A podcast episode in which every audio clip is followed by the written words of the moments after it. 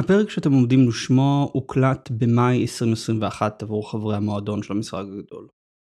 הוא הוקלט במאי 2021 באחד הסבבים של עזה מכבר סופר, והוא הוקלט כאשר הייתה לי תקווה, אז, ב-2021, שיהיה איזשהו שינוי במדיניות של ישראל כלפי הרצועה. זה לא קרה. היום כשאנחנו עדיין מנסים להשתלט על שטח מדינת ישראל, כשאנחנו חושבים מה לעשות עם חמאס, אני מקווה שהפרק שאתם עומדים לשמוע יעזור לכם לגבש דעה בנוגע לסדר היום המדיני אסטרטגי שישראל צריכה להתוות מול חמאס ברצועה. הפרק הזה הוקלט ופורסם לראשונה לחברי מועדון המשחק הגדול. אין הרבה קולות עצמאיים שמנסים לבוא ולגבש אסטרטגיה וחשיבה אסטרטגית חדשה בנוגע למדינת ישראל. למכון למחקרי ביטחון לאומי יש תקציבי עתק. לרוב מכוני המחקר הגדולים בארץ יש. לי, למשרד הגדול, יש רק אתכם.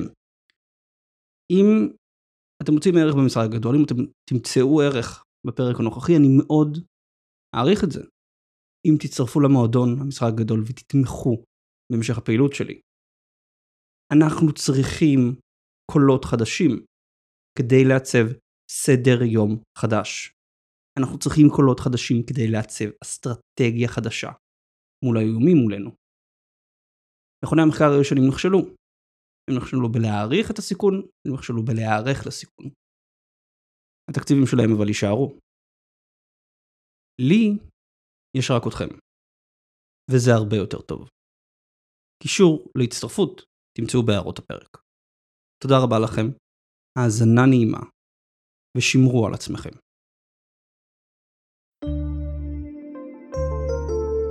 היי, כאן ניצן דוד פוקס ואתם מאזינים לפלג.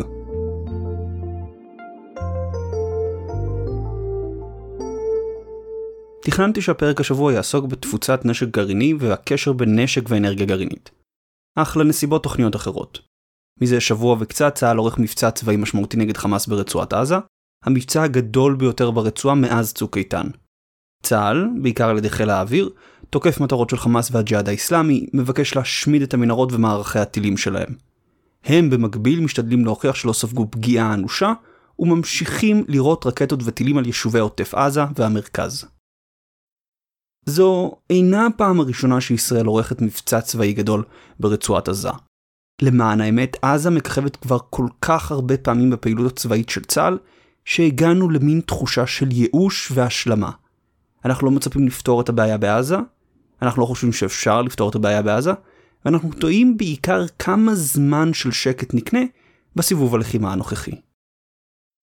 מצד שני, יש משהו שונה בסיבוב הלחימה הנוכחי. ישראל הגיבה כבר בתחילתו בעוצמה רבה, תוקפת מנהרות, מבנים ובכירי חמאס וג'יהאד. בניגוד למבצע צוק איתן, בו ישראל מיהרה לבקש הפסקת אש, כאן הקבינט מאותת בצורה ברורה שלא יחפש הפסקת אש עד שימצה את המבצע הצבאי. ישראל אף ניסתה לבצע מהלך הטיה עם הכרזה על כניסה קרקעית, רק בשביל להביא את מחבלי חמאס להסתתר במנהרות שלהם ולתקוף אותן. בסבב הזה יש הרגשה שצה"ל מגיע עם יוזמה, עם מטרה ברורה ואולי, ממש אולי, כוונה לפתור את הבעיה בעזה.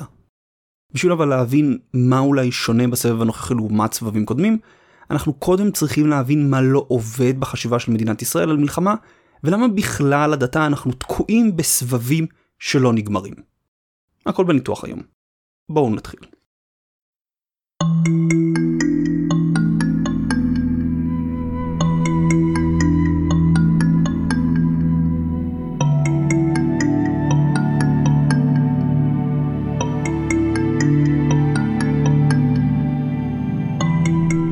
בלב תפיסת הביטחון של ישראל ישנם שלושה מושגים מרכזיים הרתעה, התראה והכרעה. הרתעה, הרתעת האויב מלתקוף.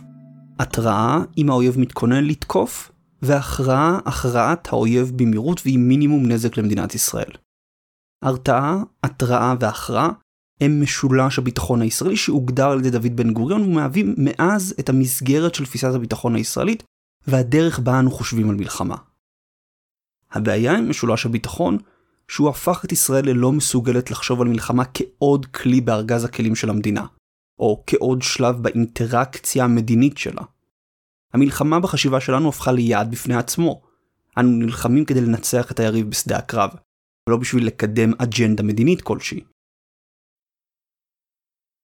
בשביל להבין זאת יותר טוב, צריך להבין שניים מהמושגים המרכזיים בתפיסת הביטחון הישראלית, הרתעה והכרעה, וצריך להבין את הרקע ההיסטורי עליו התגבשה תפיסת הביטחון של ישראל. תפיסת הביטחון של ישראל התגבשה עם קום המדינה על ידי דוד בן גוריון, שאימץ את תפיסת קיר הברזל של ז'בוטינסקי. הערבים מעוניינים להשמיד את ישראל, מתוך סירוב עקרוני להכיר בנו. ישראל אינה יכולה להרשות לעצמה להפסיד במערכה מול הערבים, משום שהפסד כזה יעלה לנו בקיומנו.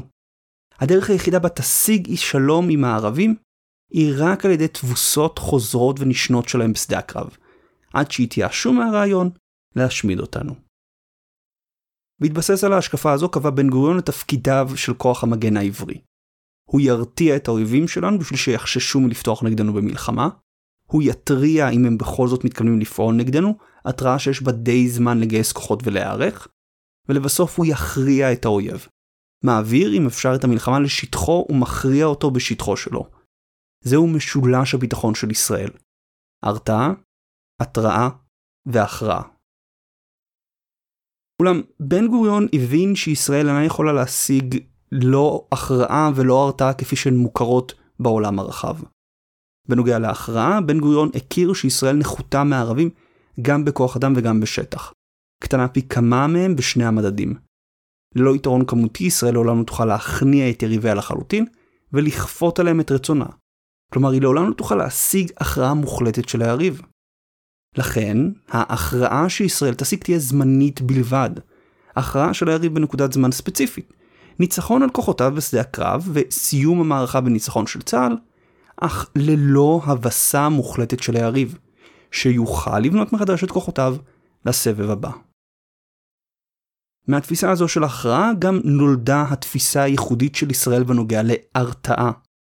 בעולם, המונח הרתעה מתקשר בעיקר למונח של הרתעה גרעינית, שמטרתה למנוע מלחמה גרעינית.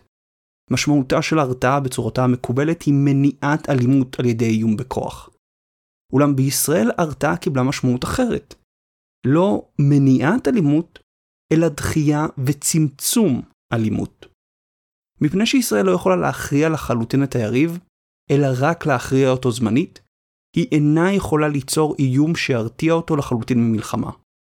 לכן הרתעה במשמעותה הישראלית היא דחייה וצמצום אלימות, ולא מניעת אלימות. ההרתעה הישראלית לא נמדדת בהיעדר אלימות, אלא בהצלחה לצמצם את עוצמת האלימות ואת תדירות האלימות לאורך זמן. יש שלוש בעיות עם תפיסה כזו של הרתעה. ראשית, היא לא באמת מספקת ביטחון, אלא ביטחון יחסי. אם בעוד חודש אחרי הפסקת האש יירו על שדרות רק חמישה טילים, במערכת הביטחון יקבעו שחמאס עדיין מורתע, אך האנשים בשדרות עוד ימשיכו לחיות בצל איום הטילים. תפיסת ההרתעה הישראלית גם יוצרת הבדלים בין אזורים שונים בארץ מבחינת התגובה הביטחונית עליהם. ירי על ניר עוז יזכה את עזה בכמה תקיפות אוויריות. ירי מסיבי על תל אביב יזכה את חמאס בחיסול מנהיגיו. שנית, כשהמדידה של הרתעה היא בתדירות ובעוצמה, ולא בהאם יש או אין אלימות, הדגש עובר להבנת הרצונות והפסיכולוגיה של האויב. הוא פחות מדידה אובייקטיבית של יכולותיו. כך לדוגמה, טען טל מנאליס ב-2018, אז דובר צה"ל, שחמאס הורתה במהלך ההפגנות על הגדר, מה שהתבטא בפעילות מצומצמת יותר שלו ולא בהיעדר פעולות מצידו. בדוגמה אחרת, במאמר בכתב העת ללימודי המזרח התיכון, שאחד משני כותביו הוא חוקר בכיר במכון למחקר לביטחון לאומי, נכתב שחמאס אינה מעוניינת בהסלמה צבאית, ובסבב אלים נוסף מאז סיום מבצע צוק איתן. מכיוון שהיא מורתעת מכוחה הצבאי של ישראל, אמנם גם מאז צוק איתן ניסתה חמאס לא פעם ליזום פעולות התקפיות נגד ישראל ואזרחיה, אך גם באותם מקרים היא נזהרה שלא להסלים את תוקפנותה, לרמה שתוביל למבצע צבאי נרחב ברצועת עזה. סוף ציטוט. כלומר, האלימות של חמאס אינה אינדיקציה להיעדר הרתעה. מה כן מהווה אינדיקציה? זה כבר תלוי בפרשנות של גורמי המודיעין והביטחון השונים. שלישית, תפיסת הרתעה כזו לאורך זמן מעצבת את תפיסת ההכרעה. אם פעם צה"ל ומדינת ישראל עוד חיפשו הכרעה צבאית ברורה בהרס פיזי של היריב בשדה הקרב, הרי שעם הזמן ההכרעה בעיקר נתפסת דרך היבט ההרתעה, דרך השאלה הפסיכולוגית, האם האויב הורתע. כל מטרת הפעלתו של הכוח הצבאי הפכה להיות לשם שימור או הגדלת ההרתעה.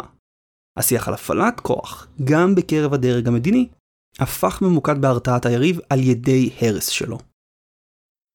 אולם, ברגע שמטרת ההכרעה היא הרתעה, המלחמה הופכת סגורה בתוך עצמה. אנו מפעילים כוח צבאי בשביל להפעיל כוח צבאי. אנו מפציצים בניינים בשביל להפציץ בניינים. אנו הורגים מחבלים, מיירטים רקטות, קוטעים מנהרות בשביל להסב נזק ליריב שלנו. מטרת הנזק היא ליצור הרתעה, אך ההרתעה היא לא דבר שלנו יש שליטה עליו, אלא הוא נוצר אצל היריב. מהצד שלנו הדבר היחיד שאנחנו שולטים בו היא מידת הנזק. בחשיבה כזו על הפעלת כוח אין מקום ואין צורך ביעד מדיני. ותפקידו המרכזי של הדרג המדיני הוא לעמוד את הנזק שיוצר הצבא, ולהחליט מתי על צה"ל להפסיק להילחם. למה אבל צריך בכלל את הדרג המדיני שיגדיר יעד מדיני למלחמה? משום שללא מטרה מדינית כלשהי ללחימה, הפעולות של צה"ל אינן משנות את המצב באופן מהותי. היריב ילקק את פצעיו ויתכונן לסבב הלחימה הבא. מדינת ישראל באופן לא מודע מבטיחה לעצמה שהיא תמשיך להתמודד עם סבבי אלימות חוזרים ונשנים. והיא גם מבטיחה שלא משנה כמה מוצלחת תהיה פעילות הלחימה שלה, היוזמה המדינית תהיה בידיים של יריביה. מדינת ישראל יכולה להיות בעלת עליונות צבאית מוחלטת, ועדיין למצוא את עצמה מקבלת תכתיבים שלא משרתים אותה כלל. וזה בדיוק מה שקרה שוב ושוב בעזה.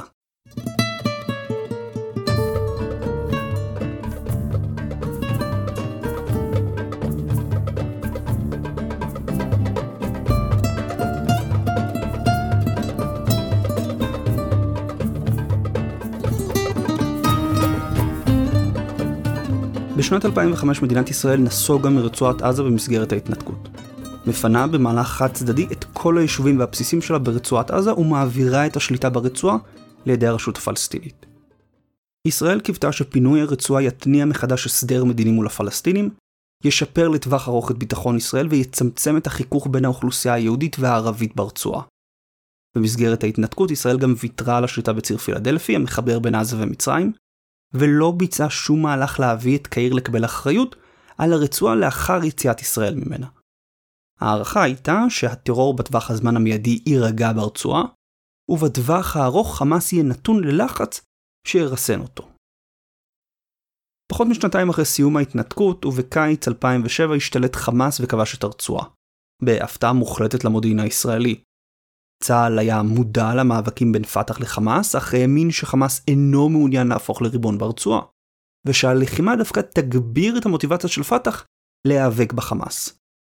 בכל מקרה, חמאס השתלט על רצועת עזה, וישראל נתפסה עם המכנסיים למטה. ללא שליטה בציר פילדלפי, חמאס היה חופשי להבריח נשק וציוד לרצועה. ללא הסכם כלשהו עם מצרים, לקהיר לא הייתה סיבה להתערב לטובת ישראל ברצועה. ללא נוכחות צבאית ישראלית בה, חמאס היה חופשי לבסס את שלטונו. ללא אסטרטגיה למקרה של השתלטות חמאס על הרצועה, ישראל חיפשה בעיקר איך להכיל את האיום. רצועת עזה הוגדרה כישות עוינת, ומצור כלכלי הוטל עליה. בירושלים כנראה קיוו שהמצור הכלכלי על חמאס יפיל אותו בהתקדמות עממית נרחבת. זה לא קרה. יעד אחר היה למנוע את ההתעצמות הצבאית של חמאס, אך זה ניצל את ציר פילדלפי בשביל להבריח אמל"ח רב לרצועה, ולהשתמש בו כדי לכפות על ישראל הקלות בסגר על הרצועה.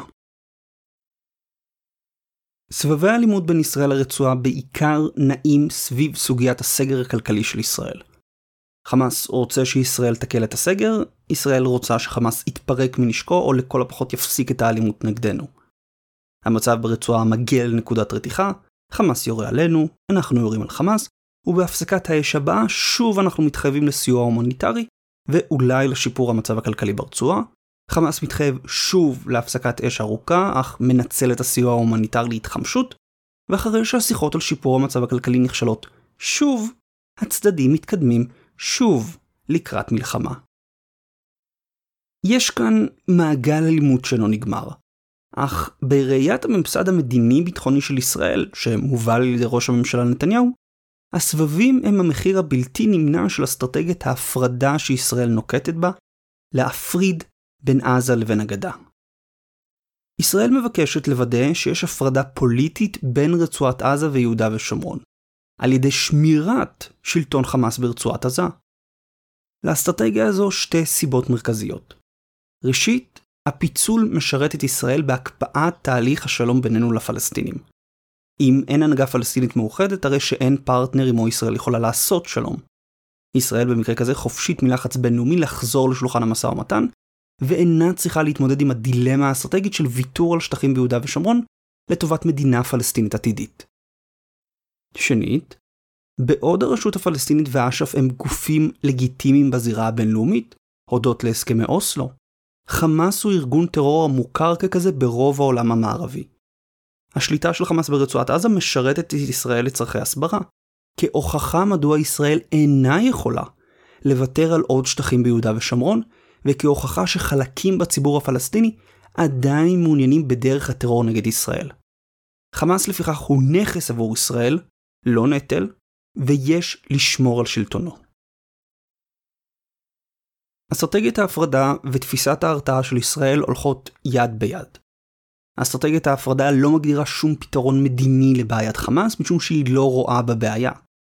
תפיסת ההרתעה של צה"ל לא צריכה יעד מדיני, משום שהמטרה של הפעלת הכוח היא הרתעה, והרתעה מושגת על ידי הפעלת הכוח.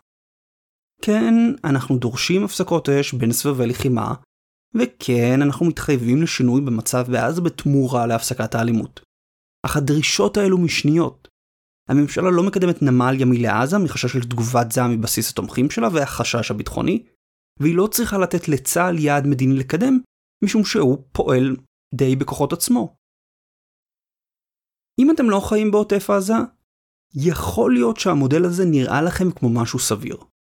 אולי אפילו טוב. ישראל מקבלת ביטחון יחסי במחיר נמוך, גם בחיי אדם וגם במחיר סביר יחסית לכלכלה. כל חמש שנים בערך אנחנו סובלים מהתקפות טילים וצריכים לשלוח חיילים לגדר, אך בין לבין רוב המדינה נהנית משקט וביטחון. לצה"ל אין יעד מדיני לקדם, והממשלה לא טורחת למצוא אחד.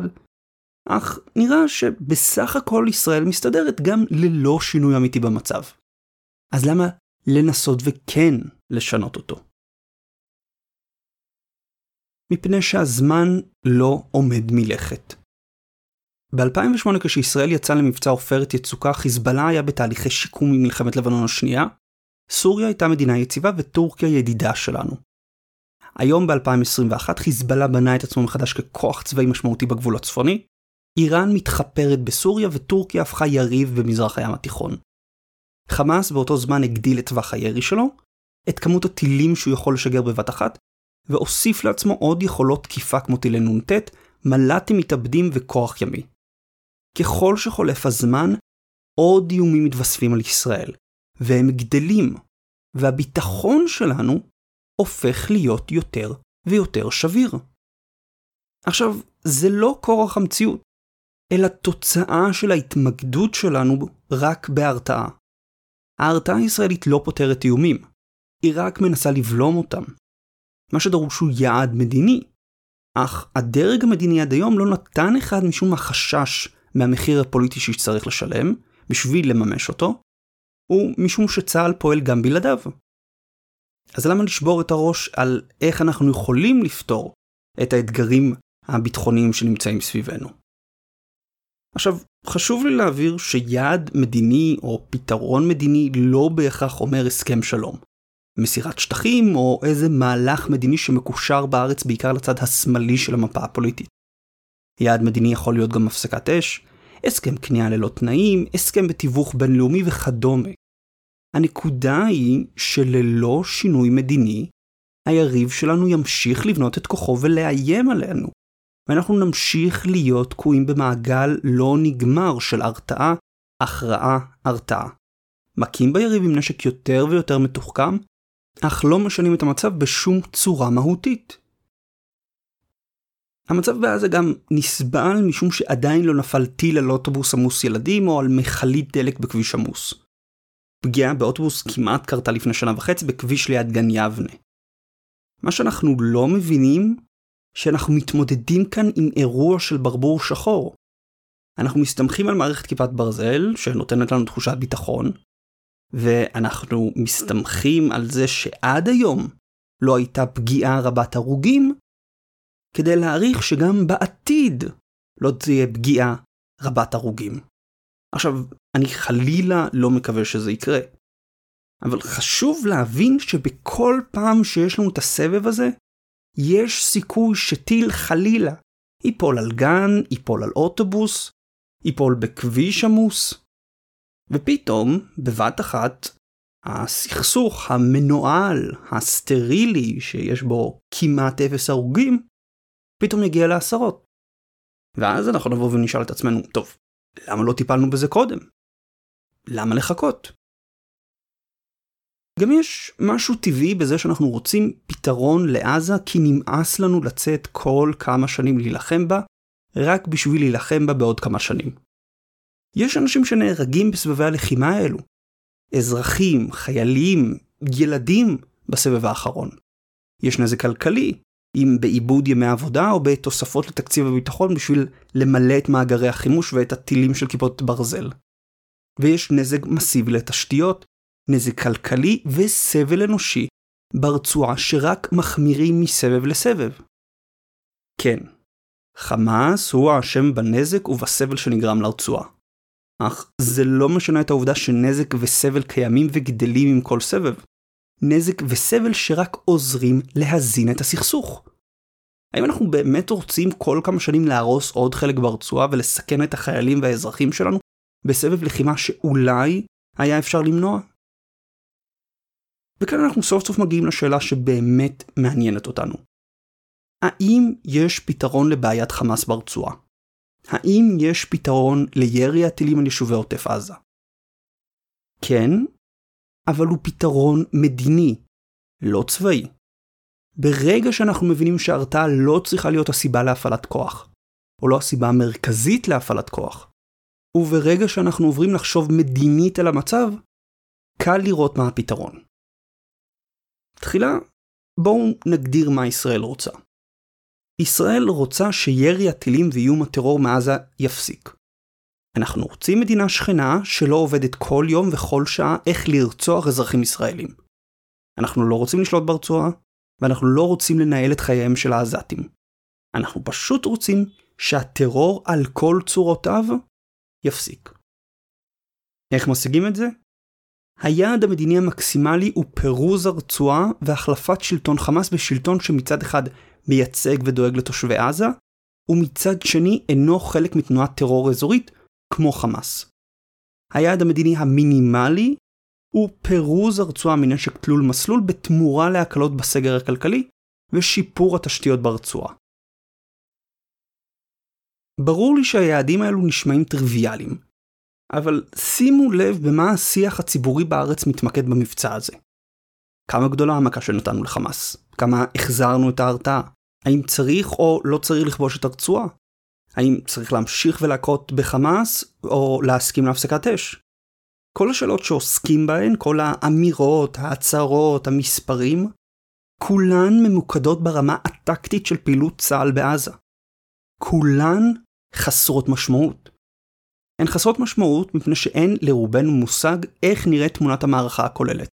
מה הנזקים שהיו לחמאס, ומה היכולות של צה"ל מול חמאס שעוד יש.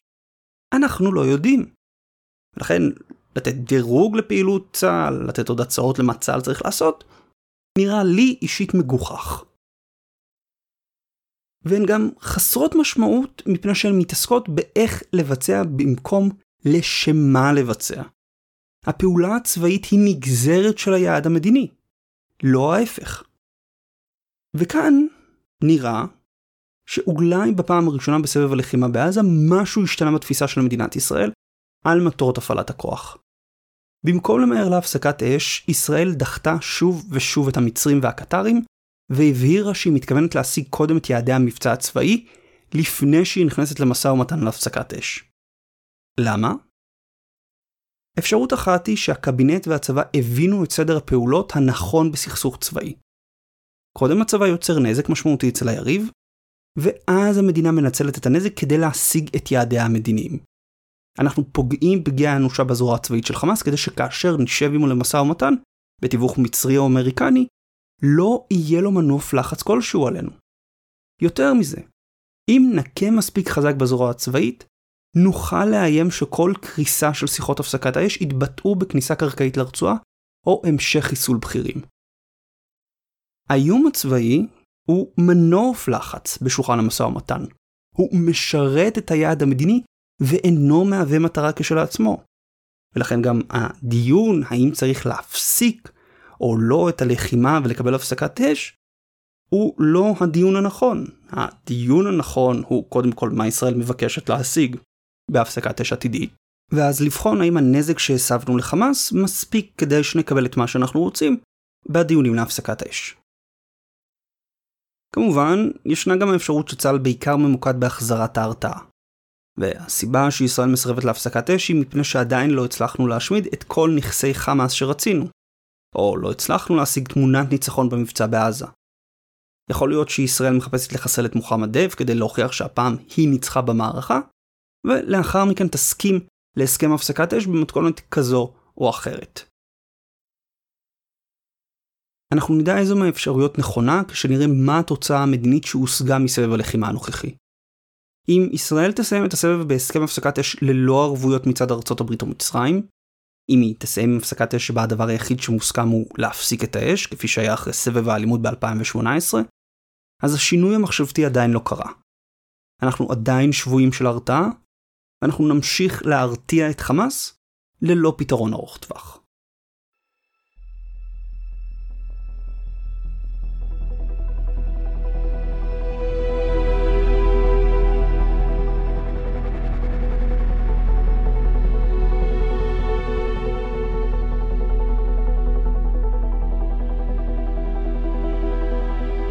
אפשר לטעון מול ההצעות להפסקת אש או פירוז הרצועה שאו שחמאס לא יסכים, או שהוא יסכים ולא יבצע, או שהוא לא יסכים, לא יבצע, ואנחנו לא נעז להיכנס קרקעית לעזה. תראו, המטרה של ניתוח בעיה היא להציע פתרון. אם אנחנו חושבים שחמאס לא אמין, אז צריך להכניס מישהו שאנחנו רואים בו כן יותר אמין. מנגנוני הביטחון של הרשות הפלסטינית? מצרים? למצרים לדוגמה, יש יחסים מתוחים עם ממשל ביידן עכשיו. ישראל יכולה עם עזה לתת לה הזדמנות לשפר את היחסים עם הבית הלבן על ידי הגדלת השפעתה. מצרים תציב כוחות במעבר רפיח ותיכנס ככוח מפקח על פירוז הרצועה. אחרי השמדה של רוב לוחמי חמאס והג'יהאד האיסלאמי, הם גם לא יוכלו להיות איום משמעותי על הכוח המצרי שייכנס. ישראל גם יכולה לקדם תוכנית מדינית כוללת לרצועה עם הפלת שלטון חמאס כשלב ראשון, שיקום תשתיות ואפשרויות תעסוקה לעזתים, והקמת מערכת פוליטית שבאמת תדאג ותייצג אותם. פרלמנט או מועצה שיהיו עצמאיים מרמאללה, וידאגו קודם כל לתושבי עזה. ישראל יכולה לגייס את ארצות הברית לתוכנית, מתבססת על העובדה שחמאס הוא ארגון טרור מוכר שאינו דואג לתושבי הרצועה, ולא כיבד הסכמי הפסקת אש קודמים. ישראל תציג את עצמה כמי שעושה פעילות חשובה לרווחת האזור כולו, ותבקש סיוע בינלאומי למאמצי המלחמה והשיקום שלאחר מכן. נשמע הזוי? אולי. כל אלו אבל הם פתרונות שנגזרים מהיעד המדיני של ישראל של סיום איום הטרור של חמאס. ומתוך רצון לסיים את הסבבים מול הרצועה.